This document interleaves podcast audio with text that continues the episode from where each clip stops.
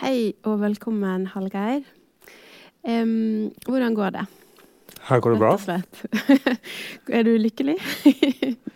Ja, eh, det er jo eh, kanskje et, et hakk under mitt gjennomsnittlige nivå i disse koronatider. Ja, sant. Eh, Mm. Men eh, stort sett så, så har jeg det bra. Og jeg var litt nysgjerrig på um, hva du jobber med nå. Hva forsker du på?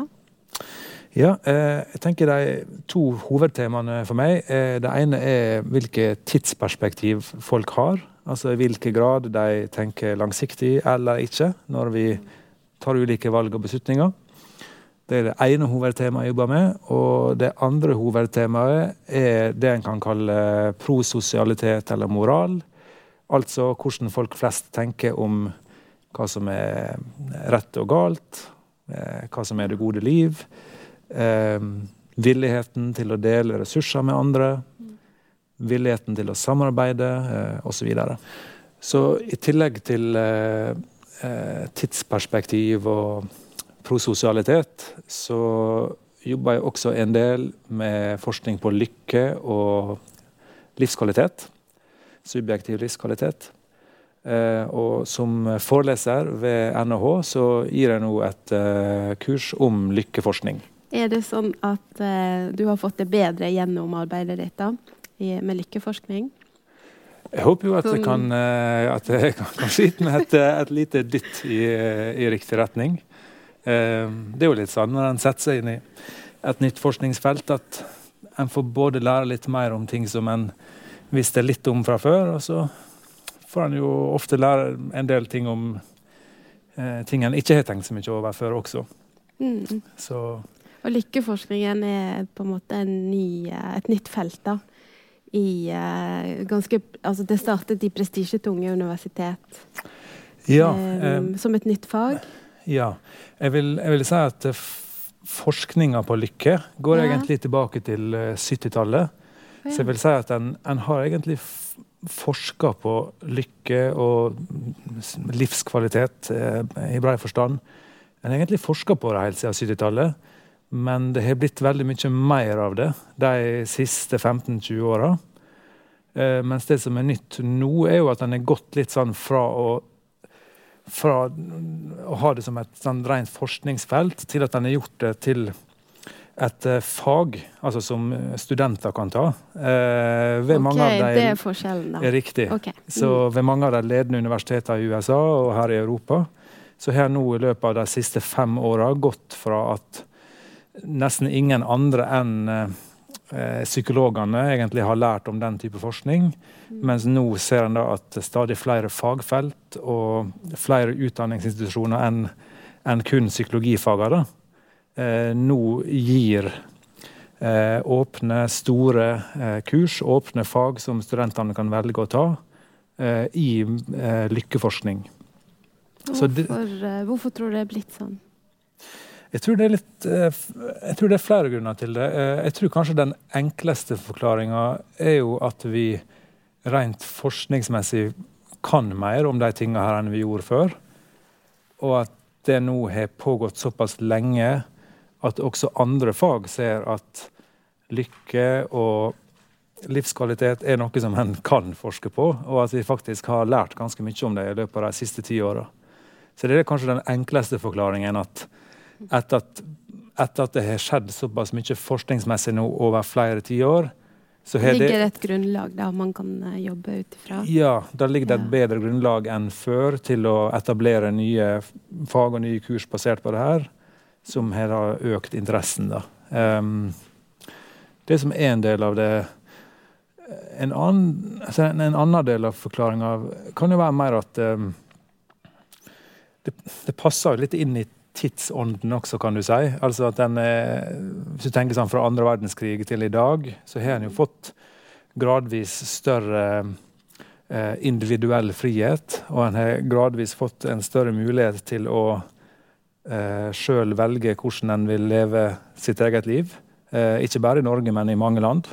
Mm. Eh, og klart det gjør jo at det, at det kanskje også er mer rom for enn tidligere også, og ikke kun tenke på sånn fra dag til dag eh, hvordan overleve, hvordan få dagen til å gå, men også til å tenke ja, men hva, eh, hva vil jeg egentlig med det her, og hva er det som betyr mest for meg egentlig? Altså, de spørsmålene her er jo ikke nye. En menneske har jo alltid stilt seg de spørsmålene her innimellom. Men jeg tror det er mer plass til å stille de spørsmålene enn før.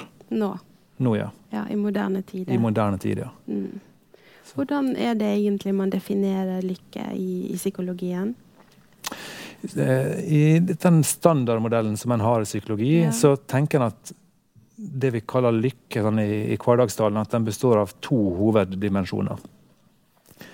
Eh, den første dimensjonen eh, er det som en ofte kaller livstilfredshet. Og det betyr enkelt og greit eh, hvor fornøyd er en med livet sitt totalt sett. Så hvis du tenker på livet ditt da, fra, du tenker fra det, hvordan det kunne vært, fra det verst tenkelige til det best tenkelige sånn, Alt i alt, hvor fornøyd er du med livet ditt sånn som det er per i dag? Ja. Det er den ene dimensjonen. Eh, så på en måte, hvor, hvor fornøyd er du? Eh, den andre dimensjonen den handler om balansen mellom positive og negative følelser. Og det er jo det en da mer spesifikt kaller lykke eller happiness da på engelsk. Så det er rett og slett bare hvor ofte føler du deg mm. glad, lykkelig, oppstemt, positiv, versus hvor ofte føler du deg trist, nedstemt, irritert, stressa. Der poenget er jo at alle, omtrent alle føler jo på alle de følelsene her eh, innimellom. Så, det, så poenget er mer hva er den generelle balansen mellom de positive og de negative følelsene. Slik at hvis eh, de positive følelsene har en tendens til å dominere, eller at en i hvert fall oftest føler mer på de positive sidene enn på de negative sidene, jo, da er en også litt lykkeligere. Så når en forsker på det her, eh, en, en omtaler det ofte som bare subjektiv livskvalitet, som et sånt samlebegrep. Ja, for det vil jo kanskje være litt relativt òg hva man oppfatter som eh, en positiv hendelse, negativ over tid, refleksjon over noe. Alt det endrer jo seg òg. Akkurat. Så. Så det er jo akkurat det en prøver å erkjenne ved å si at en forsker på subjektiv livskvalitet, er jo at en prøver å eh, studere og måle så godt en kan hvordan folk sjøl vurderer sin egen livskvalitet. Ja. Eh, og da, I stedet for da bare gjøre det med én person og spørre den personen hvordan eh, ting går, så prøver en da å lage så gode sånne spørreskjemamål som en kan. Bruker masse tid på å kvalitetssikre dem så godt som vi kan, slik at en kan spørre store utvalg av veldig ulike mennesker i ulike land, sånn at en kan prøve å fange litt opp eh, hva er de store mønstrene, altså hva er de viktigste faktorene ja. som har betydning for om livskvaliteten vår går opp eller ned. Mm. Eh, så da prøver en på en måte å eh, ta høyde for alle de tingene som er forskjellige mellom folk. Og så prøver en å si ok, men hva er det store bildet? Ja. Så er de skjemaene kanskje et av hovedverktøyene da, for å måle lykke i, i en gruppe eller i en gitt eh... Riktig. Ja. Men hvordan da Eh, dette er kanskje litt eh, spesifikt, da, men hvordan går man frem da for å lage slike skjema? Eh, eh ja. Nei, eh, det, det, virker som et vanskelig arbeid. da. Ja, det er en, det er en omfattende ja. prosess. Mm. Eh, den gjør at en går mange runder der en prøver å sikre seg så godt som en kan at de måler det de skal måle. Mm. og klart, det her er basert på selvrapport Eh, altså hvordan folk sjøl vurderer, vurderer, sin egen lykke og sin egen livskvalitet. Ja. Så klart, eh, helt perfekte blir de målene aldri. Men når en ser de målene vi bruker nå, og du sammenligner dem med f.eks. hvordan andre folk vurderer den personen som har svart, så ser vi at eh, samsvaret faktisk er høyt. Altså den måten vi nå stiller spørsmåla på, mm. måten folk svarer på det sjøl, stemmer stort sett ganske godt med hvordan partner, venner, kollegaer oppfatter deg som person. Så det er på en måte en korrelasjon at man kan bekrefte litt, da.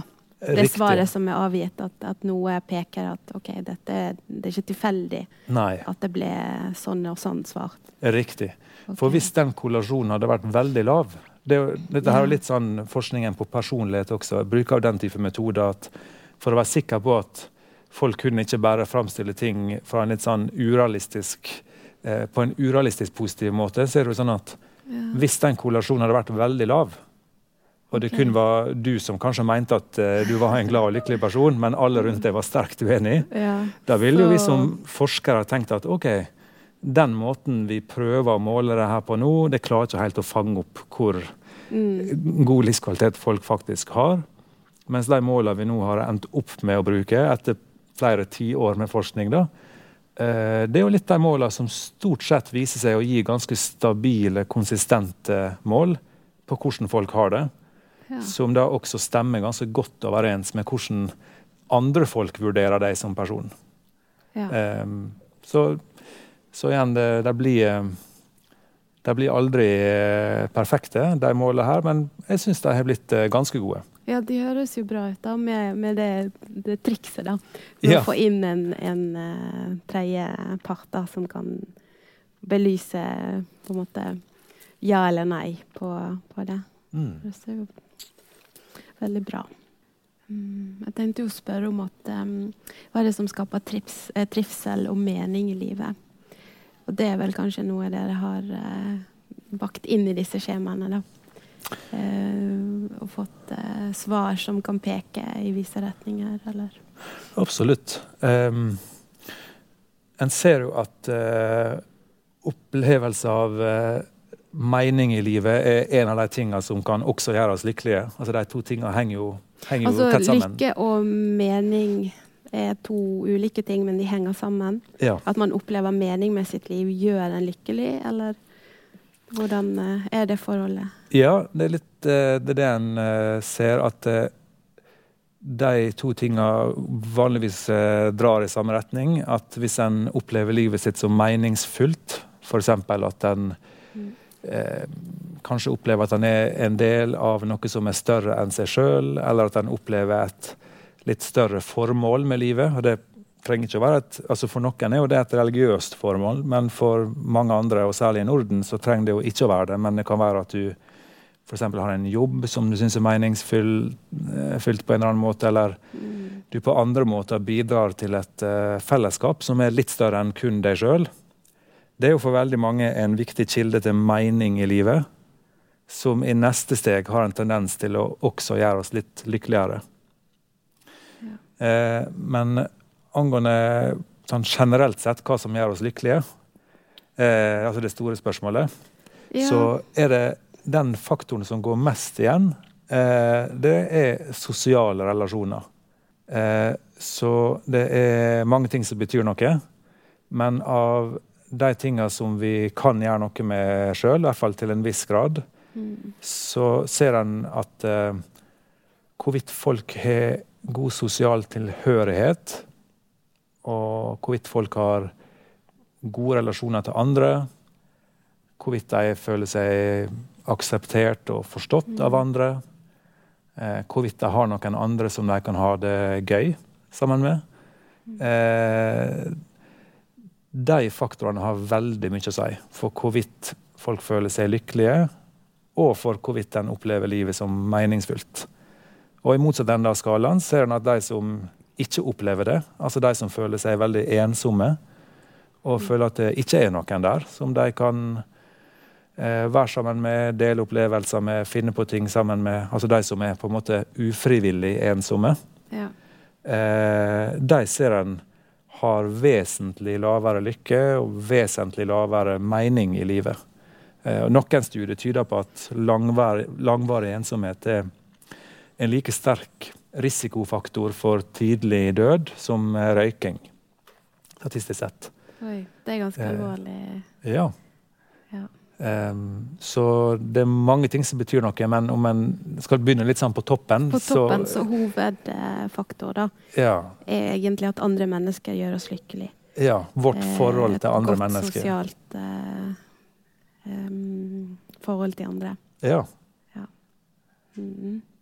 Og det som er litt fascinerende med det, syns jeg, er at um, Eh, det er et mønster som en også finner veldig sterkt igjen på tvers av veldig ulike land og ulike kulturer. Sant?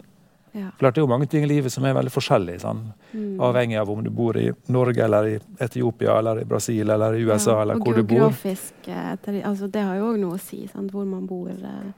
Absolutt. Så det er, liksom, det er jo så mange ting som er forskjellige på en måte. Mm.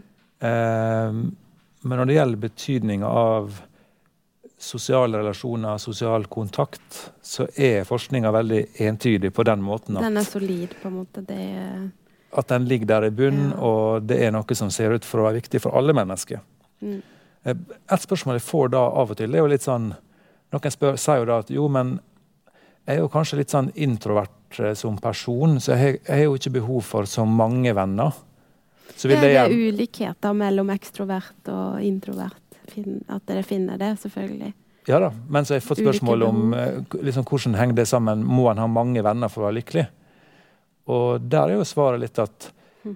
poenget for den forskninga vil ikke si at, den, at, for, at alle trenger så mange venner for å ha det bra. Men poenget er at nesten alle trenger noen for det det er kvaliteter foran kvantitet, Ja. uh, uansett. At, eh, Riktig. Et par gode mennesker uh, man kan ha i livet sitt og dele ting med, og, kunne være med, og gjøre ting, uh, er like godt da som om at du hadde tredobbelt så mange. Altså, ja. Riktig. Jeg, jeg tror for de aller fleste av oss er det det aller viktigste.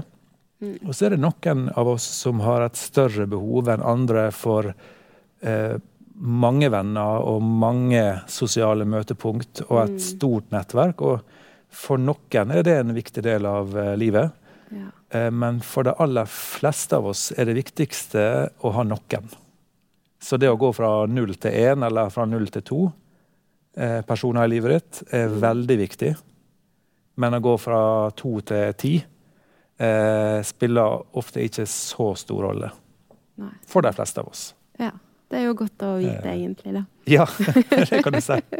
Fordi det jo, men det er jo òg veldig tidkrevende hvis man skal um, uh, hele tiden treffe andre, hele tiden være sosial. Man trenger jo òg på en måte tid til seg sjøl òg. At det òg kan skape en, en lykke. Kunne Absolutt. få være alene hjemme eller uh, ja, ta en løpetur for seg sjøl. Altså, alle de tingene er jo òg uh, utrolig verdifulle da, for lykke. Absolutt.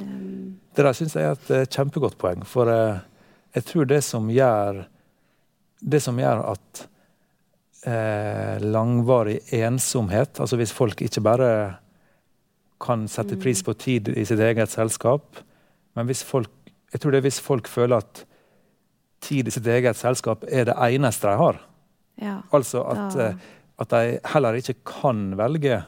Tid ha- med andre. Riktig. Det er ikke et valg. Altså, det er ikke et, uh, Det er ikke et valg. Det er ikke der. Riktig, det er ikke et valg Ja. lenger, men det er noe du bare må forholde deg til. Jeg tror det er da en ser de negative konsekvensene for uh, livskvaliteten vår.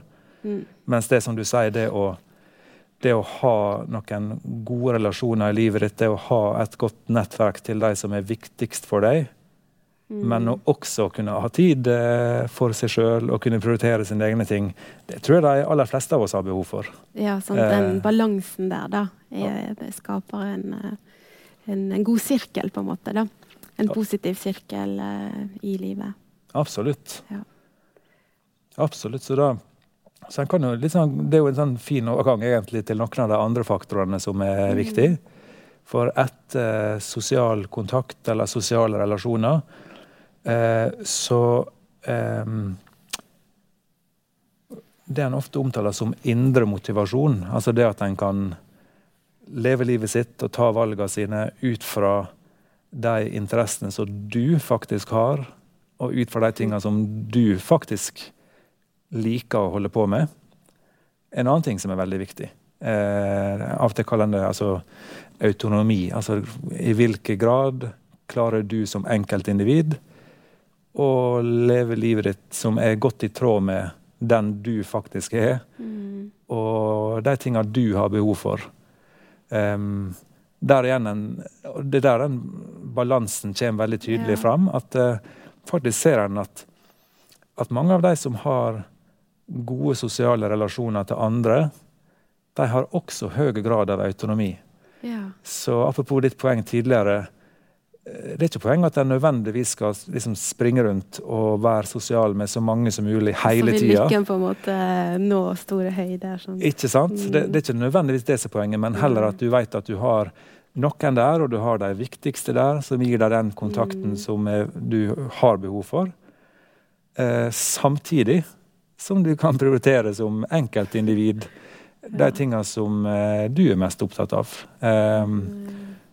Så jeg tror jo at uh, de fleste av oss har et behov for begge deler. altså En sosial kontakt på den ene sida og autonomi på den andre. Og at veldig mange av de tingene vi prøver å finne ut av i livet, og ofte når ting blir vanskelig i livet, så er det nettopp fordi vi i perioder kan slite med å finne den balansen på en god måte. Jeg skulle til å si at det er ikke nødvendigvis en enkel ting å finne ut av. da.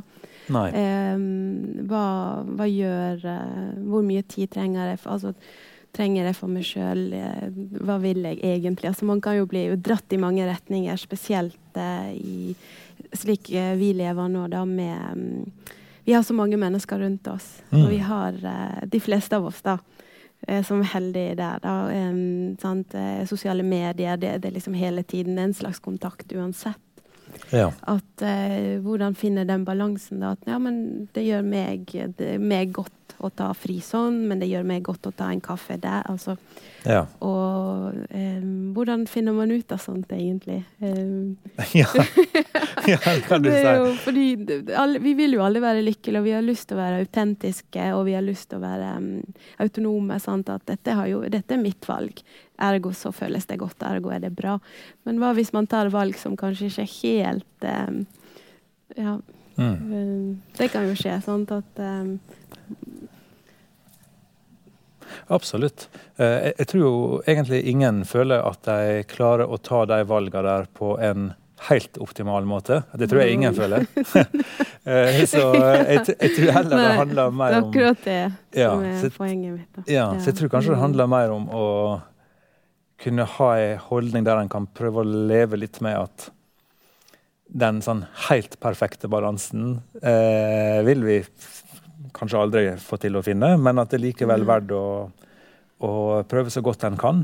Og mm. prioritere de tingene som faktisk ja. er viktige for en, og som gir en glede i livet. Mm. Det kan høres litt sånn banalt ut, men sånn, sånn, for du, du, spurte jo liksom hvordan finne ut av det. Ja, sånt, det høres jo litt klisjé og banalt, men ja. det er jo et arbeid. Et sånt uh, selvreflektert den det um, Livslangt løp, Ab absolutt. egentlig. Ja. Absolutt. Og, og, litt sånn det, det, det, første, det, første, stedet å begynne for mange er jo bare å stille seg spørsmålet eh, OK, den uka som gikk nå, eller den måneden som gikk, eh, når hadde jeg det best? Ja, det var jo lurt. Altså å ha en sånn tilbakeblikk. Ja. Og kanskje begynne på en måte å se noen røde tråder, da. Absolutt. Hvis du ikke helt vet. ja, eh, akkurat. Og, og, da kan en jo noen ganger merke at ja, den eh, den dagen der jeg gikk den turen sammen med han kameraten min eller han venninna mi, mm. og vi tok den kaffen, ja, og så gjorde vi det der etterpå, ja. Eh, der på direkten etter jobb, eller eh, på kvelden etter ungene hadde lagt seg, hvis en har barn, eller mm. eh, om morgenen eh, en, en, av helgedagene når en hadde en formiddag fri, eller hva det måtte være. Ja, det var en veldig fin dag. Sånn, OK, da er det en observasjon at eh, det, gjør det, det, gjør det, godt å kunne gjøre den type ting. Så kanskje kan en prøve å gjøre den type ting litt oftere. Og mm. så kan en snu på spørsmålet og, og spørre seg sjøl ja, når hadde det verst den siste måneden. Altså, når syns jeg når syns ja, jeg ting var skikkelig kjipt? Det er noe med det at man, tar, man skal på en måte For å finne en middelvei her, da. Riktig. Både se på det, det, som har vært litt eh, kjipt eller kjedelig eller negativt, og se på det gode. Og ut ifra det prøve å peise inn på noe. Absolutt. Og det, ja. Og det er også, Noen ganger så ser en jo at eh, nei, den og den dagen eh, var veldig vanskelig. Noen ganger ser en jo at ja, men det var vanskelig, men akkurat de tingene som skjedde den dagen, var ikke så veldig mye å gjøre noe med til eller fra. Så mm. i de tilfellene så vil det kunne være ting som en må prøve så godt en kan å akseptere, eller i hvert fall uh, leve med, på et vis.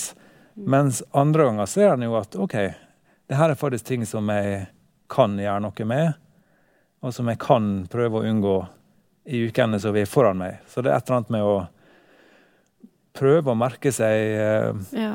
når har en det bra, og når har en det ikke så bra. Og hvordan kan en prøve å navigere ut fra det eh, litt bedre. ja. Um, ikke ikke en enkel oppgave for noen, men jeg, jeg, tror vi, jeg tror vi får det litt bedre alle sammen hvis vi, Mm. hvis vi eh, gjør så godt vi kan. Og Vi prøver litt da, å være litt observant og Ja. kanskje ta noen sånne timeouts hvor man uh, tenker litt over ja, hva har skjedd i det siste, og hvordan har jeg egentlig hatt det. Hva har jeg gjort på. Det tror jeg er lett å glemme når vi er så travle og eh, ukene går og man er litt på autopilot. Det, Ja. man kan jo havne i en sånn ja, at dagene er så planlagt òg, da. At, eh, spesielt med plikter som vi har. Sant? At eh, de kan få mye mer plass enn en, um, hvor gøy vi kan egentlig ha det. Absolutt. det ja. så, for vi er jo så flinke, syns jeg, da. Um, å gjøre så mye. Både for familiene våre, sant. em, venner. vi, er så mye, vi er så mye for så mange, føler jeg, da. Em, at alle gir så mye av seg sjøl ofte. Ja. Em, spesielt de kanskje em, Da tenker jeg på foreldre, da, for eksempel. ja. Eh, de jobber, de tar seg av barna, de steller hus. Altså, det er jo lett å glemme em, seg sjøl midt oppi det, da, når du har eh, andre å se til. Absolutt.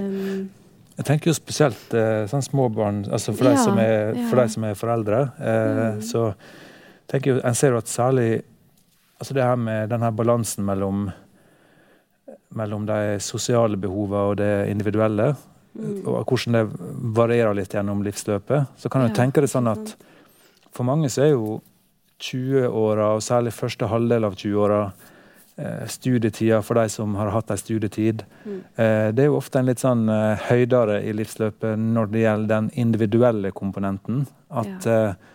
det er da mange virkelig får eh, finne seg sjøl som eh, voksen, og de får eh, utvikle seg til den voksne personen de er i ferd med å bli. Mm. Og de får bruke veldig mye tid på både å finne ut hva de er aller mest interessert i, og faktisk gjøre de tingene som de er mest interessert i.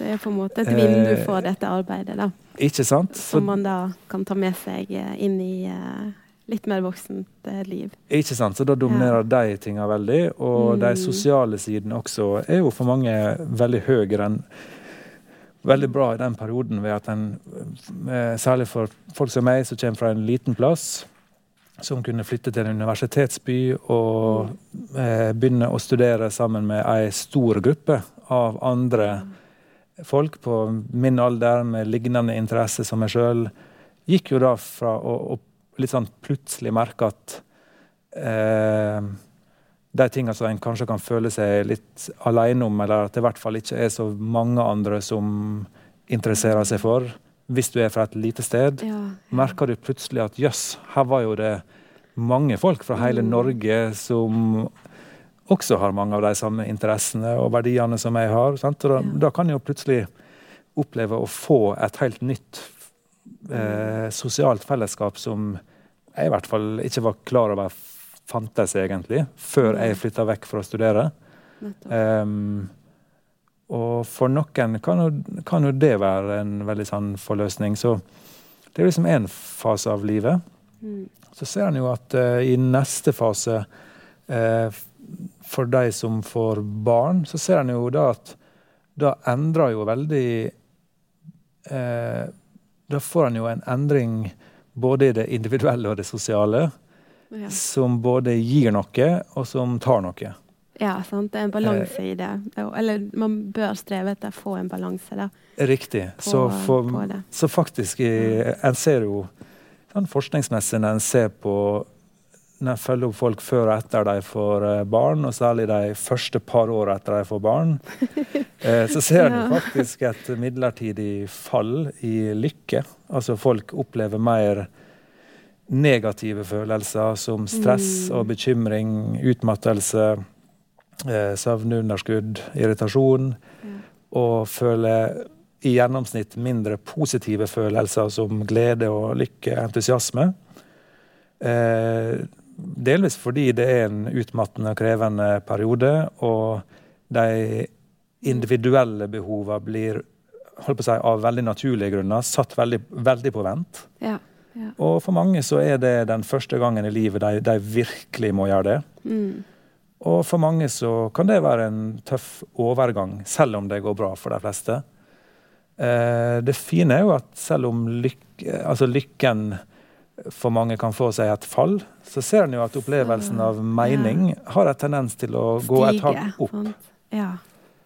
Nettopp. Eh, eh, slik at selv om en, mange småbarnsforeldre da føler seg mer utmatta og Mm. eh,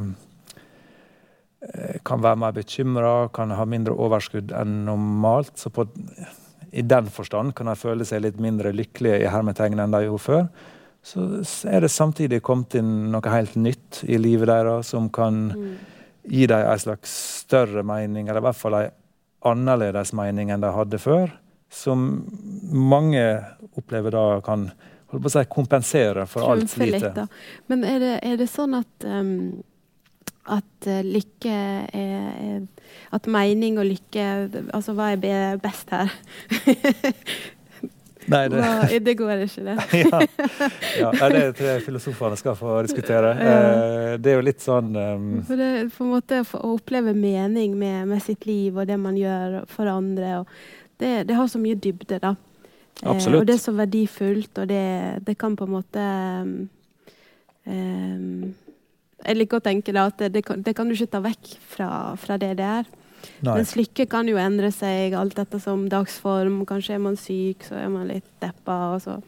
Det kan jo skje ulike ting, men hvis du opplever mening ved å bli mor eller far, f.eks., eller ved å ja, hva det skulle være da, som ga deg en dyp eh, mening, da, Mm. så er det jo kanskje eh, verdifullt å dyrke.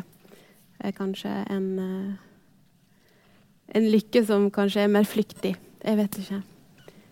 Ja, det kan godt være. Eh, Jeg tenker Som forsker er det litt av viktig å ikke få ta for tydelige standpunkt i Mm. hvordan folk burde leve livet sine. Nei. Og tenke at det viktigste er at eh, folk kan være, gjøre så godt de kan til å ta sine egne valg, altså ut fra hvilke verdier de har. Ja. Eh, slik at eh, hva som er, på en måte er best av eh, mening og men jeg tenkte, ja, det, jeg sa best da, men egentlig tenker jeg mer sånn at det er ganske naturlig da i et sånt livsløp at eh, med, altså, mening, å, å føle mening med sitt liv er på en måte noe som, eh, som følger den, da. Forhåpentligvis. mm. Eh, og at etter hvert som vi blir eldre, så tror jeg at eh, det er mening med vårt liv som på en måte holder oss eh, um, lykkelige, på et vis, da. Ja, det kan godt være. Jeg, Det er bare en teori. eh, Jeg bare ja. liksom, tenke tenker litt på det. At um, etter hvert som vi, eh, vi blir eldre, da, så opplever vi jo mening på en annen måte enn vi kanskje gjorde i, når vi var 20. Naturlig nok. Ja. Men det tror jeg skjer med, skjer med lykken også. Eh, Ja. Jeg tror ikke en russefeiring hadde vært like gøy som 40-åring.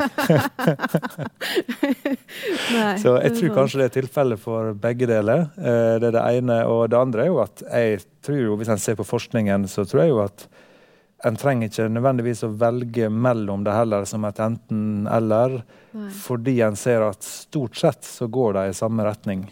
Ja, og at de er, er det paralleller, da. Ja, så de er høyt eh, korrelerte, slik at eh, folk som generelt opplever livet som meningsfullt, de har generelt en tendens til å også føle seg rimelig lykkelige, Mm. og motsatt. Så jeg tenker det er mange av de samme faktorene som gir både mening og lykke i livet. da. Der det eksempelet med eh, det å være småbarnsforelder er jo et eksempel som blir dratt fram en del ganger nettopp fordi det er et litt sånn unntak fra regelen.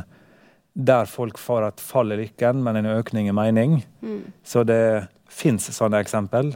Men hovedregelen er at eh, stort sett når vi har det bra i livet, og vi lever livet vårt på en sånn måte at vi, eh, at, at vi trives, eh, så har vi en tendens til å både føle lykke og mening.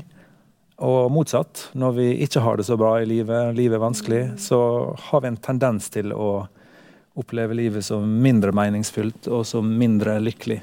At det er litt sånn Men det det betyr det òg at, du, at du Hvis du har det ene, så har du det andre? Eller kan, kan man ha kun det ene og ikke det andre? Nei, eh, tendensen er at hvis en har det ene, så har en også det andre. Eh, vanligvis. Vanligvis. OK. Ja. Ja. Og så fins det noen tilfeller der det ikke stemmer. Altså eh, Her er det å være småbarnsforelder ett eksempel Ja. der det går motsatt vei. Og eh, andre eksempel kan jo være eh, hvis en f.eks. gjør enorme personlige oppofrelser for en større sak som en tror på. Aha. Det kan være en eh, eh, for, Det kan være en eh, en, ei religiøs sak, det kan være ei politisk sak. Som da har stor mening, men ikke nødvendigvis har noe med lykke å gjøre. Eller Akkurat. Ja. Eh, da kan jo det være at en eh, Til tross for at en må gjøre veldig store oppofrelser, og til tross for en, at en kanskje da um, må leve et liv som er vanskelig, så vil en likevel kunne oppleve veldig sterk mening hvis det er en sak en virkelig tror på, og en tenker at det her virkelig kan utgjøre en forskjell. Mm. Så i det tilfellet så er det fullt mulig å eh, ikke føle seg spesielt lykkelig i tradisjonell forstand, ja. Men at du likevel opplever livet som veldig meningsfullt. Mm. Eh, skal prøve å tenke et eksempel på det motsatte, der du lever et meningsløst, men lykkelig liv. Det går jo sikkert an, det også. Ja, det Eh, et eksempel på det tror jeg vil kunne være mer sånn Hvis du lever et veldig sånn komfortabelt liv, altså du har det bra, trygt, forutsigbart, du har alle sånne ting du trenger Alle om å ha, ting er alle dekket. basale Mm. dekt, ja. Eh, men du opplever overhodet ingen større mening med det du driver med i det hele tatt. Mm. Eh, du f.eks. har mer enn høy nok lønn til det du syns du trenger, men du liker ikke jobben din egentlig. da. Ja, som et Ehm, eksempel. Ja. tenker jeg det er sikkert eh, fullt mulig, da, igjen som et unntak, Ja. Og føle seg sånn rimelig lykkelig eh, fordi livet går greit og eh, ting er komfortabelt. Men når du stiller deg sjøl spørsmålet er det så veldig meningsfullt det her, så er kanskje svaret nei. Så jeg tenker de, eh, de unntakene fins, absolutt. Men eh, jeg tror hovedregelen er at de to faktorene har en tendens til å gå samme vei. Mm. Hva, hvilke flere faktorer er det her, da? Som kan eh, Som kan gi uh, lykke eller mening. Ja. Eh, altså nå har vi snakka om liksom to hovedfaktorer. Det ene er jo eh, sosial tilhørighet, eller sosiale Mm. relasjoner. liksom som den ene hovedfaktoren. Den høyeste, Ja, på en måte. som ofte kommer ut som den aller sterkeste. Ja. Eh, og den andre er jo eh, eh, de tingene en kan kalle indre motivasjon. Altså det er grad av autonomi, grad av mestring. Altså at det å gjøre ting som en faktisk føler en får til, eller kan Mm. klare å få til en dag, er viktig. Eh, og så ser en jo også at eh, folk som generelt føler seg lykkelige og føler at livet er meningsfullt, det har en eh, det har en tendens til å være mer sjenerøse med andre. Være mer til hjelp for folk som de bryr seg om. Og de har en tendens til å få mer hjelp sjøl. Altså, det her er jo selvforsterkende ting. Ja, at det går litt hånd i hånd, da. Ja. Eh, så det er et annet kjennetegn. Eh, og en ser også at de har en tendens til å føle seg mer takknemlige for de tinga som tross alt går bra. Ja. Så hvis du tenker på den mest utakknemlige personen du klarer å, du, du klarer å se for deg, så er eh, eh, Ja, kanskje. Så er i hvert fall statistisk sett så er sjansene gode, dessverre, for at den personen ikke er spesielt lykkelig. Mens hvis du tenker på de du kjenner som slår deg som mest takknemlige, så er sjansene ganske gode for at de også føler seg rimelig lykkelige, og som også føler at livet er rimelig meningsfylt. Um, så det er viktige faktorer. Um, litt, sånn, litt sånn åpenbar faktor kanskje er jo fysisk helse. Hvorvidt en uh, tar godt vare på den fysiske helsa si. Slik at uh, det å være i jevnlig fysisk aktivitet, f.eks. Og det trenger ikke å være noe topptrening. Det kan være noe så helt enkelt som å gå en 30 minutters spasertur. Mm. At det kan booste lykke, altså lykkeeffekten da, i livet, å være i fysisk aktivitet. Ja. Ganske enkelt. Riktig. Det har stor mm. betydning. Og det er noen studier som viser at det å, det å, eh, det å trene tre ganger i uka eh, har en like god effekt mot depressive symptom som samtaleterapi hos eh, psykolog. Det har man funnet ut. Ja, det er ulike studier yes. som viser det. Ja. Eh, som er jo en av grunnene til at anbefalt behandling mot depresjon mm. er nettopp en kombinasjon av mm. samtaleterapi og en gradvis økning i den fysiske aktiviteten. For er det noe mm. en ikke har lyst til, hvis en er ordentlig deprimert, så er det å være aktiv. Ja. Samtidig så er det nettopp det en trenger mest av alt. Det er en gradvis mm. økning i fysisk aktivitet en gradvis økning i den sosiale kontakten med, med folk som en faktisk liker å være sammen med. Eh, og da kan samtaleterapi eh, hos en psykolog, hvis du har en varig depresjon som ikke går over, eh, også være til hjelp. Men det er nettopp derfor en eh, anbefalt behandling er en kombinasjon. Eh, for det å være eh, veldig det å være fullt og helt fysisk inaktiv eh, har negative konsekvenser også for det, ikke bare for den fysiske helsa vår, men også for den psykiske helsa. Ja. Um, så sånn der fysisk helse så er jo litt sånn jevnlig fysisk aktivitet er den ene. Den andre er jo søvn. Eh, igjen litt sånn åpenbart når en tenker over det, men jeg tror folk er litt sånn lett for å glemme av det. At eh, hvis en sørger for å ha en sånn rimelig jevn døgnrytme, der en stort sett i hvert fall får den søvnen som en trenger, så har en en tendens til å føle seg mer opplagt, være mer robust, en blir sjeldnere syk, eh, og en har en tendens til å føle seg lykkeligere. Um, så det er en annen faktor som er viktig. Uh, det vi Litt sånn elefanten i rommet som vi ikke har snakka om hittil, er jo faktisk eh, de tingene som vi ikke kan gjøre noe med. Ja. Eh, for dette, ja, for spesielt disse to siste er jo på en måte valg, da.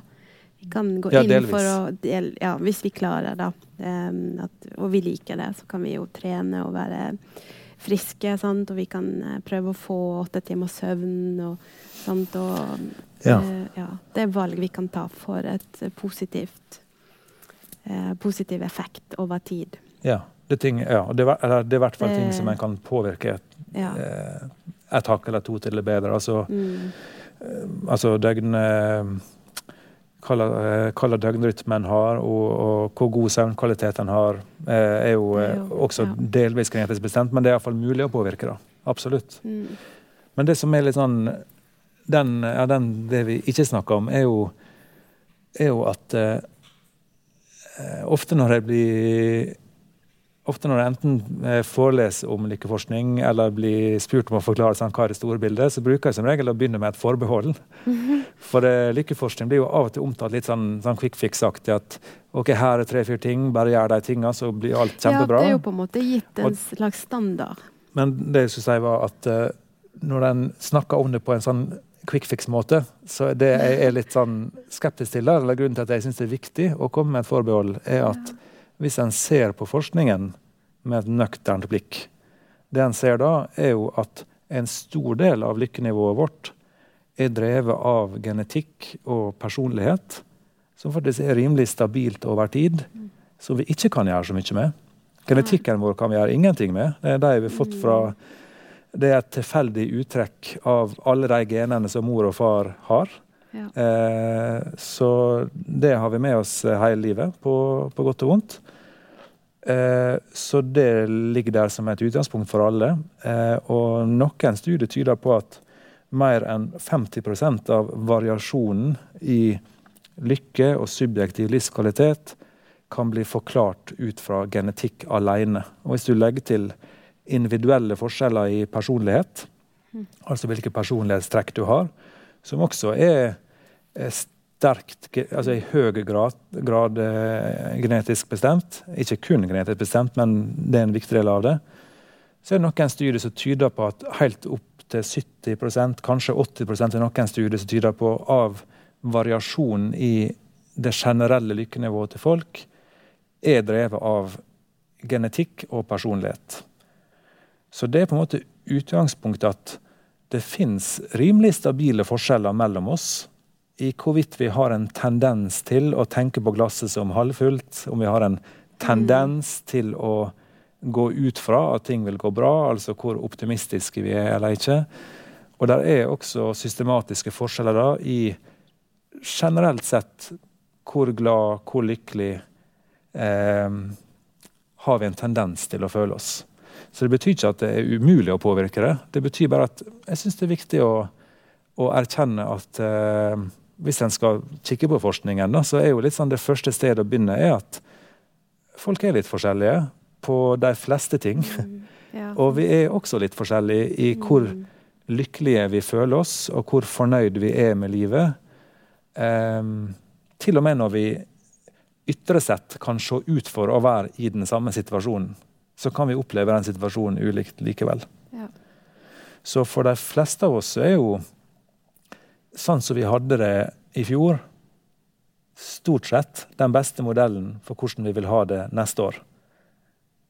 Det vil ikke si at det er umulig å gjøre ting litt annerledes, eller at det er umulig å få det litt bedre, men mm. det kan jo gi kanskje en jeg vet ikke, en slags sånn ydmykhet, kanskje, til at eh, eh, noen deler av livet er som de er. Ja. Om vi liker dem eller ikke, og at kanskje én del av eh, det å kunne prøve å ha et godt liv, er å kunne lære seg til å leve med den som en faktisk er, og leve med den personligheten en måtte ha, og eh, kunne få det beste ut av det. Og så er det neste steg ok, men det er, det er, noen ting vi kan gjøre. Så hva kan vi lære fra det? Og da er det forskningen viser at jo sånn, sosiale relasjoner, indre motivasjon, det å være del av et eh, større sosialt fellesskap som du kan trives i, det å ha en jobb eller en hverdag der du får brukt de interessene og verdiene som du faktisk har, er viktig. Eh, fysisk aktivitet er viktig, søvn altså det, Da viser forskningen Ja, det er mange andre ting som kan gi oss et dytt eller to i riktig retning. Ja. Eh, det er bare at eh, Jeg syns bare at det er også viktig å si at eh, det handler ikke kun om enkeltindividet og enkeltindividet sine valg. Det handler litt om det, men det handler også om det utgangspunktet Om hvilke utgangspunkt vi har. Ja. ja. Det handler, det handler, om begge deler. Og ja, ja. særlig i USA. altså det er jo en veldig, Vi ser jo litt av det i Europa også, men spesielt i USA. det er jo en har litt sånn tendens til å bruke veldig sånne individualistiske forståelsesmodeller når vi skal eh, forklare ting. At vi har litt sånn lett for å tenke at det kun er enkeltindivider eh, det handler om.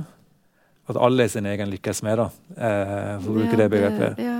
Eh, og det blir litt sånn enten-eller-tenkning, og også i den motsatte enden av altså i den andre grøfta, at noen vil si at nei, det er kun samfunnet eller det er kun genene dine. sant? Som bestemmer eh, eh hvor lykkelig du kan få Ikke sant. Så blir jo like mm. ekstremt den andre veien. Så jeg tenker ja. sånn et, et, litt mer sånn nøkternt blikk på forskningen mm. vil jo tilsi at sannheten ligger heller et Men, sted eh, midt imellom, ja. eh, der det er begge deler som virker sammen. Ja, sant. Fordi kan det være òg at uansett eh, utgangspunkt, da, genetikk og personlighet, så har man funnet ut da, at eh, disse faktorene kan eh, dytte deg eh, inn i en eh, positiv eh, sirkel, da. Absolutt. For, hvor lykkelig du opplever eller, å være fra dag til dag eller i hverdagslivet. Absolutt. Ja. Det er jo veldig bra. Ja, sånn at Uansett hvem du er, da, og hvordan, så kan du kanskje bli mer eller mindre lykkelig. Um... Absolutt. Um, jeg tenker det er den gode nyheten som ligger her. Og, ja, det var det ja. jeg òg syns. Ja, så jeg tror kanskje sånn Jeg tror kanskje at det er vanskelig for de fleste av oss å kunne liksom flytte seg fra i, i hermetegn fra, fra, bunnen til toppen på skalaen, mm. sånn uten videre. Ja. Men jeg tror de fleste av oss eh, har det i oss å kunne bevege oss et steg eller to eh, i riktig retning. Mm. Um, Uansett det, hvor vi står, da, så kan vi alltid ta et skritt mot. Ja. På en måte, ja. Det tror jeg vi kan. Og der syns jeg at der er jo det en kilde til eh, håp, tenker jeg. Og mm. særlig hvis en er i en periode av eh, Hvis en er i en periode der livet er vanskelig, eh, eller en, en ting kanskje også har blitt vanskeligere enn det vanligvis har, har brukt å være for deg tidligere. Mm. At det kan uh, ligge en kilde til håp i det at ja, selv om du er der du er nå, og selv om ting har vært litt vanskelig for deg før, så mm. eh, er det fortsatt mulig å kunne ta et steg eller to eh, ut av det og kunne komme seg videre. Um, det er jo også en annen kilde til håp, syns jeg, i den forskningen her, er jo når du, når du følger opp folk over tid, og du ser over lengre tid hvordan folk reagerer på veldig sterke sånn ekstreme enkelthendelser, om det her er positive eller negative hendelser, eh, så er jo liksom det klare mønsteret er jo at når det først blir nødvendig å si en opplever noe veldig negativt noe eh, Det kan være å miste jobben, det kan være et samlivsbrudd. Eh, det kan være andre enkeltting som skjer, som er veldig vanskelig når det skjer. Ja. Litt av den kilden av håp en kan finne, er jo at når en følger opp folk over lengre tid, så ser en jo at når de tingene her først skjer, da mobiliserer folk større krefter og en større tilpasningsevne enn jeg tror de til og med visste sjøl at de hadde. Mm. Slik at hvis du følger opp folk seks måneder etterpå, og i hvert fall et år etterpå, så ser en stort sett at folk har klart å finne sånn noenlunde tilbake til der de var i utgangspunktet. Altså folk har klart å vende tilbake igjen til sitt eget utgangspunkt sånn rimelig bra. Ja. Eh, men hvis du hadde spurt dem på dag to, når det her akkurat hadde skjedd, mm. eller hvis du hadde spør, spurt folk i forkant sånn Tenk hvis det parforholdet her som er så viktig for deg, som du trives så godt i, tenk hvis det tok slutt. Eller tenk hvis du mister den jobben som du virkelig trives i. Mm. Selvfølgelig, selvfølgelig, vil ikke vi de tingene her. Og selvfølgelig tenker vi at det ville vært helt forferdelig hvis det skjedde. Og, og det er helt forferdelig hvis de tingene her skjer. Eh, det er bare at det ser ut for det ser ut for at det finnes en slags grense for hvor lenge vi holdt på å si, orker å ha det forferdelig. Det er jo fantastiske nyheter, egentlig. ja. ja. Så det er akkurat som vi er skrudd litt sammen, at vi, ja. at vi er bygd for å kunne ha det helt forferdelig en stund. Og så får vi det bra. Altså, vi er bygd for å tåle en del, da. Vi er robuste. Riktig. Til syvende og sist. Riktig. Og vi, uh, men så på et eller annet tidspunkt så begynner en slags tilpasningsevne å, å mm. slå inn. Ja, nettopp. Og så begynner en å nyorientere seg videre. Hva kan mm. en gjøre her for å ta noen steg videre? Og så et lite steg om gangen. Går det noen måneder, går det et halvår? Og da ser en at for veldig mange av oss, når sånne ting skjer, jo, da, da går det over til slutt. Og i hvert fall for mange av de som opplever slike ting, så eh, kan en få det bra igjen. Ja. Eh, så det er jo eh, Så man, er, man er, på en måte um, litt på det vinnende laget uansett, da. Til syvende og sist. Fordi vi, vi er lagslik, egentlig. Absolutt. Genetisk og personlighetsmessig mer eller mindre, da, selvfølgelig, med de variasjonene, men at uh, mennesker som sådan har, uh, har, lyst til å trives, da. Absolutt. Ja. Det er jo uh, fantastisk. Ja. Yes, ja det, det, er virkelig det. Og, um, så jeg tror jeg, I biologien snakker en jo om sånn homeostase, altså at, vi, at, at mm. levende organismer har et grunnleggende motiv for å finne en slags likevekt Det kan være såpass grunnleggende ting som at vi sørger for å få i oss nok næring, nok væske, nok søvn, til at igjen, den balansen ikke trenger å være perfekt på noen måte, men den må være nært nok et slags balansepunkt Ja. for at vi skal kunne ha det bra. Mm. Eh, slik, sånn tror jeg vi fungerer psykologisk sett også. At eh, jeg tror vi har et grunnleggende behov i oss for å finne en slags eh, likevekt. Når det gjelder eh, trygghet, når det gjelder individualitet, når det gjelder sosiale relasjoner, når det gjelder framtidsutsikter. At det, innimellom så er vi langt utenfor den likevekten, Ja. men det tåler vi stort sett. Og når vi har vært langt nok utenfor den likevekta ei stund, da vekker det ganske sterke krefter i oss for å prøve å finne veien tilbake. Og det her er sånn det her er ikke noe vi må gå til en psykolog for å få klart at vet du, vet du hva, det er sånn du egentlig fungerer. At det, Mm. det tror jeg ligger djupt i oss eh, fra naturens side eh, helt sånn fra fødselen av. Så Ja.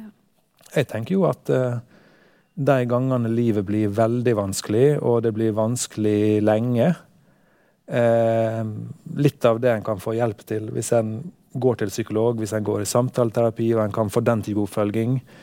Eh, det er jo litt mer å kunne få litt hjelp og kunne få litt veiledning til å bruke sin egen tilpasningsevne på en bedre Ja. måte. Altså å prøve å Og kunne dytte den litt i, i gang, da. Riktig. Men og, at det, i, det er noe iboende. riktig. Eh, Og ja. at det er noe iboende i oss. jeg tror for mange at bare det å erkjenne at jeg tror Det er lett, sånn, det er lett å føle altså, Når ting er som verst, det er lett å føle sånn at, at det må komme at noen andre må fortelle deg noe sånn, noe helt nytt. Som du ikke har sett eller forstått. Eller, Ja, som er helt sånn mind-blowing. Sånn, 'Å, herregud, er det Ja, sånn liv henger sammen?' Ja. OK, nei, men da er det greit. Da, da, da går jeg i den retninga, så blir alt bedre. sant? Det kan, jo, det kan man jo føle. sant? Det kan en føle innimellom, og det er helt OK. Eh, men jeg tror jo det folk At vi sitter med våre egne nøkler, da. Ja, eh, veldig ofte tror jeg at egentlig gjør vi det. Det er bare at når ting er for vanskelig, da blir vi litt nærsynte, og vi blir litt sjølsentrerte, og vi mister litt oversikten over Mm. eh, hva er det vi vil, og hva er det som er viktig. Og da kan det være til hjelp å snakke med noen. Det trenger ikke være en psykolog heller. altså Det kan også være en god venn, et familiemedlem, noen andre du stoler på. Eh, altså en av fordelene med å sette ord på ting, er jo at det tvinger deg litt til å ta ett steg tilbake. Bare det å beskrive hvordan du faktisk har det med ord. Og prøve å beskrive i ord hva du har tenkt å gjøre for å kunne komme deg videre og kunne få det litt bedre. Skape en avstand, kanskje? eller? Ja, i hvert fall et, slags et visst perspektiv. Ja. ikke sant? At det blir i hvert fall litt enklere å se det litt utenfra. Og så får du høre litt hva den andre tenker, og det kan være at du er enig i halvparten, og så kan det være at du er uenig i den andre parten, og så er det også greit. fordi det, gjør det, det også gjør det litt enklere å se din egen situasjon uh, utafra. Eh, og så kan det være et første steg til å finne veien din eh, Til den balansen, da. til den balansen som du trenger for å kunne komme deg videre. Ja. Så når det gjelder hva folk faktisk gjør, da, hva folk kommer fram til når de har hatt sånne runder, så Mm. er det ofte litt sånn de, i hermetegn de enkle tinga i livet folk kan oppdage litt på nytt. Altså de tinga vi har snakka om her i dag. altså Folk Ja. kan gjenoppdage litt verdien av en daglig gåtur, f.eks. Mm. Om det så er en 20 minutters passertur, så kan folk merke at ja, det å komme seg ut i hvert fall én gang om dagen og bare gå litt, ja, det gjorde meg godt. Nå, det skal jeg prøve å bli flinkere på framover. Eller den kaffeavtalen med min beste venn Mm. eh, hver eh, søndag eh, formiddag eller lørdag ettermiddag, eller når det måtte være. Det har jeg egentlig savna, og det, det er veldig bra for meg. Nei, ok, vet du, Det skal vi begynne å gjøre igjen nå. Um, det kan være ei, ei eh, faginteresse en har, en organisasjon en har vært med i, som en har trivdes i. Det kan være Mm. andre ting som har eh, gitt man- livet en, man- en litt større mening enn Ja. kun seg sjøl. kan man gjenoppdage en gammel lykke, på en måte, noe som ga glede før. Ja, Som man kanskje har eh, lagt til side eller glemt. Eller det, ja. absolutt. Det tror jeg vi ofte kan gjøre. Og, og noen ganger så tror jeg vi kan eh, Noe vi likte i barndommen eller da Ja. vi var yngre. Eller, ja, at uh, man kan gjenoppdage det. eh, at de kildene er alltid der, da. Hvis man tar seg tid til å huske på de eller uh, trekke de frem. Absolutt. Det er så mye håp her, egentlig. At det Ja. er jo fantastisk. Ja. Det- ja. Hvor mye lykke som er tilgjengelig, da. Egentlig. Um, Absolutt. hvis man ser etter det. Ja. Ja. Ja, det er liksom noe med mm, Det er liksom noe med det å kunne driste seg til, eller tørre å stille seg sjøl de spørsmåla med Mm. hva er, hva er det som eh, gir en eh, livsglede? Altså hvor kommer den fra? Når er det en har en tendens til å ha det bra? Eh, og når er det en har en tendens til å ikke ha det så bra? Og mm, prøve å lære litt av de erfaringene så, så godt som en kan. Jeg tenker det, det er et sånt viktig første steg for oss alle, tror jeg. Og det kan høres veldig sånn selvsagt ut, men jeg tror en av de tingene som skjer hvis en har det veldig vanskelig, er jo nettopp at en kan fort da slutte å stille den type spørsmål i det hele tatt. Og kan gå seg litt fast i en litt sånn håpløshet at det er vanskelig nå, og det vil alltid forbli det. vanskelig. Ja, man, kanskje man føler det, at du ser på en måte ikke Det er bare tunnel og aldri lys i tunnelen, på en måte. Altså. Akkurat. Og klart, det er veldig tungt. Så bare det å Mm, det det. tørre å begynne å stille de spørsmåla igjen, litt oftere, og kunne tørre å eh, holdt på å si gjenoppdage den Det er på en livsgleden en måte en veldig gang enkle ting man kan gjøre, da. Eh, Ja. ja. Men det tenker jeg for mange er et, er et første steg. Og som sagt, jeg, jeg tror mange av oss gjør det her eh, av oss sjøl, altså helt naturlig, eh, fra før.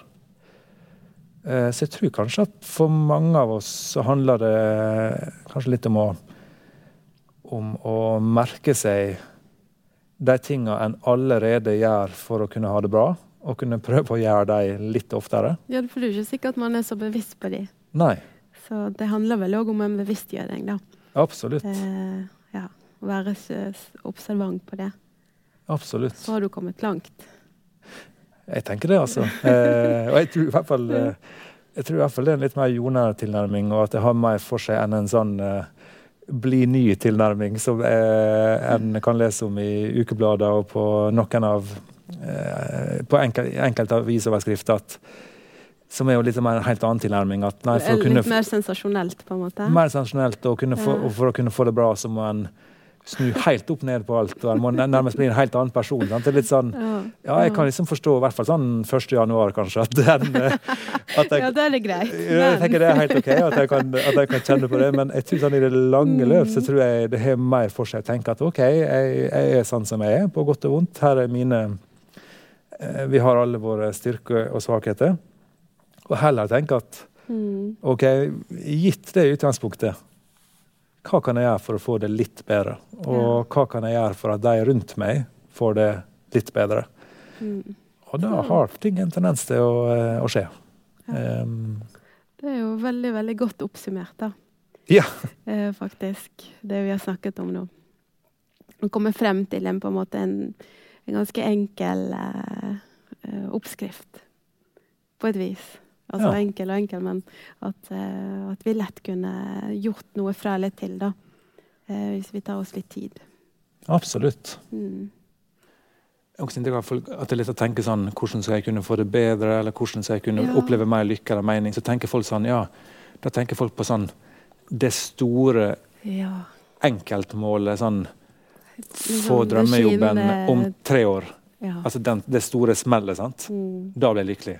Ja. Og det Og så tenk, men, og, selvfølgelig, av og til så kan en jo være så heldig at en får drømmejobben, men klart det meste av Mm. tida så har en jo den jobben en har, på en måte. Så jeg, så jeg lurer på om det kanskje ligger at det er enda viktigere å ikke kun tenke på hvilke liksom sluttresultat er det som vil, vil kunne gjøre deg lykkelig, så du vil kunne Mm. trives godt med, men også veien til målet eller prosessen til målet. Litt mer sånn, sånn drar dra, det helt ned på ei, helt vanlig uke. Ja. Eh, hva er det en bør fylle den med, eller en måned? Mm. Eh, litt sånn fra dag til dag, uke til uke, for å kunne ha det bra. Eh, og selvfølgelig Hvis en kan fylle ukene sine og månedene sine med ting som gjør at en, en merker at en beveger seg i rett retning, og en strekker seg Ja. mot noen store mål der framme som faktisk betyr mye for en, Mm. Selvfølgelig, det tror jeg Da har vi det bra. Hvis Ja. vi kan gjøre det. Men jeg tror at det er viktig å da ikke glemme at den veien til målet er noe å, å velge noe som en faktisk trives med, og som en faktisk har en interesse for, og som faktisk appellerer til det litt sånn innerst inne. For jeg tror det, jeg tror det, det er da en, en virkelig legger til rette for at en kan ha det bra i det lange løp. Altså gjør deg sjøl fornøyd, på en måte. Ja, for det at, Eh, man, mm. da tror jeg at en kan ende opp med å trives godt også underveis, og ikke kun når du helt til slutt kanskje når det sluttmålet. Mm. Ehm, jeg tror det er den lett altså fort å kun tenke på På det slutt, eh, altså det målet man har satt seg som, og da blir det så bra. Ja. Får det fantastisk. ja, den store finalen til slutt. Ja, den store finalen, den store seier. Ja. Og bare. Ja, og så glemmer en jo litt at så- den gleden en får av den store finalen, den også går jo over. Nettopp. Sant? Den, kan, Eh. den er kortvarig, fordi målet vil jo hele tiden flytte seg. Akkurat. Eventuelt, da. Akkurat. Så jeg, så jeg syns det er flott jeg, hvis folk kan sette seg noen, Mm. noen eh, store, meningsfulle, flotte mål eh, over flere år eller over et livsperspektiv, over ting der de tenker at ja, det hadde vært det Dette har jeg vært, lyst til å oppnå. ja, det men- hadde vært veldig Mm. fint hvis jeg kan få til det, og det, Ja. det kjenner jeg at det, det har jeg ordentlig lyst til å få til. Altså, det syns jeg er en veldig fin ting. Eh, Men man må òg på en måte ha en forankring i hverdagen, da. Ja. Eh, og på en måte den veien, de, de skrittene, akkurat. én etter én, akkurat. Skal òg være gode, da. ja, og det Eh, tenker jeg sånn det neste steget som er fort å glemme, er jo mm. er nettopp det sånn Ja, men OK, gitt at jeg har det her målet her, sånn Fins det en måte jeg kan uh, gjøre det på som jeg faktisk kan trives med? Mm. Uh, og tenke seg litt om der. Og litt sånn, et litt sånn lærebokeksempel der er jo eh, Apropos nyttårsforsett og sånne ting. Eh, en, altså det å ta vare på den fysiske helsa si, jo, det, det er jo en lykkekilde for mange. Så det at mange har et ønske om at de skulle kunne kanskje kommet seg i litt bedre form Mm. eh, igjen, det, sånn, det blir jo av og til litt sånn latterliggjort at uh, ha-ha, hvor overfladiske folk er. Men jeg syns ikke det er rart i det hele tatt at mange har, lyst, har et ønske om å kunne bli et hakk eller to i bedre form. Ja. Men det jeg tror er fort å glemme, er jo hvordan har du tenkt å nå det målet, og har du tenkt å prøve å gjøre det på en måte du faktisk kan like? Det er akkurat eh, Eller bare går du all in i en sånn ren viljestyrkekonkurranse? At vet du hva, jeg skal gå på uh, Barry's bootcamp klokka sju om morgenen. hver dag. Jo. Hver dag, liksom, eller tre dager i Mm. uka, og da vet du, da skal jeg ta toppformen det. kicke inn. Og klart, nesten ingen orker jo det i det lange løp. Nei, Jeg tror, nesten, jeg tror mange av oss kan orke det i to uker, ja, sant. men, så nesten ingen av oss gidder jo det i et halvt år eller i et år eller resten av livet. Mm. Så her finnes jo en del studier som jeg, jeg syns gir veldig god mening. Og det er jo den ser på. Den har prøvd å forske på disse her nyttårsforsettene, og en har prøvd å si noe om ja, men hvem er det som er mest eller minst sannsynlig til å faktisk nå de her målene. Eh, da, ja, Ja. da er jo faktisk en av de enkleste faktorene er jo ja, men Har folk satt seg noen mål som de faktisk liker? mål. Eller, ja, som de liker. Ja, Jeg tror det er fellen for mange av oss. da. At Ja. vi, så det er et sånt ideal vi jager, men vi liker jo egentlig ikke det. Så det er jo helt usannsynlig at eh, jeg skal stille på Barry's bootcamp klokken syv. ja, Egentlig. Tre dager i uka. Ja. Ja. Eh, så jeg tenker at man må ikke glemme det der at eh, ja, det er fint å sette seg noen eh, store mål og strekke seg mot. Det, det tror jeg kan eh, eh, gjøre livet litt mer meningsfylt, faktisk. Og vi kan bli litt lykkeligere også. Men at en da også prøver å velge en prosess, altså en vei til det målet som en også liker. Og det kan være noe så enkelt som at hvis du føler på at eh, du er i veldig mye dårligere fysisk form enn en skulle ønske at en var, og kanskje dårligere form enn en brukte å være før.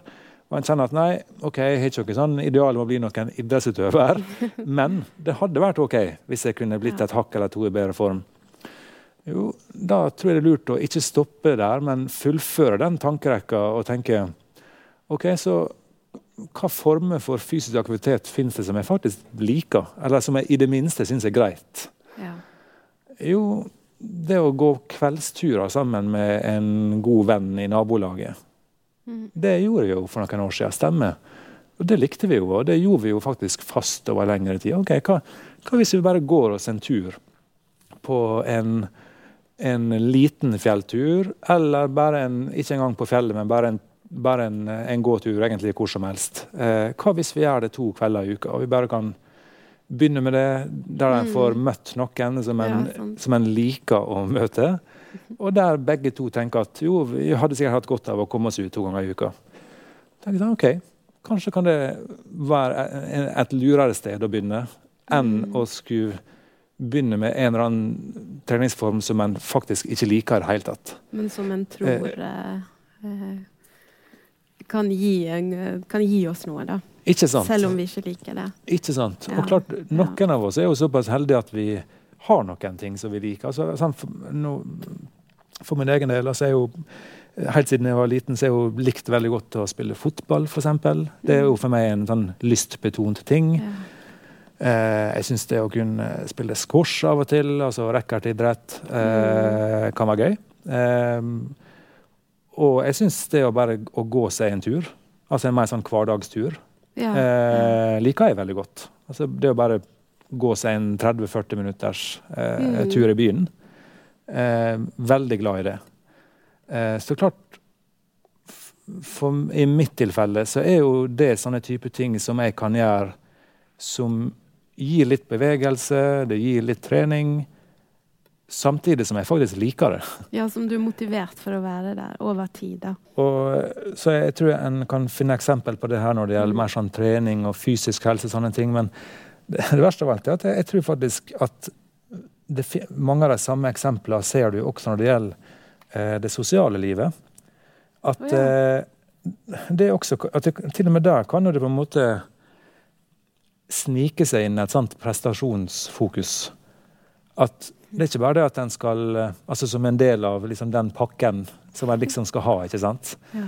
At um, uh, I stedet for at sosial kontakt sånn i ny og ne, litt sånn lavterskel med de som en faktisk bare trives best sammen med og har det gøy sammen med, mm. i stedet for at det kan skje på litt sånn lavterskelbasis som gjør at til og med de ukene der han er travel, han er litt stressa og han ikke har så mye tid, så er det likevel ikke så ambisiøst til at du, du, ikke får plass til det, men at du kan gjøre det likevel hvis du er med. Ja, ja.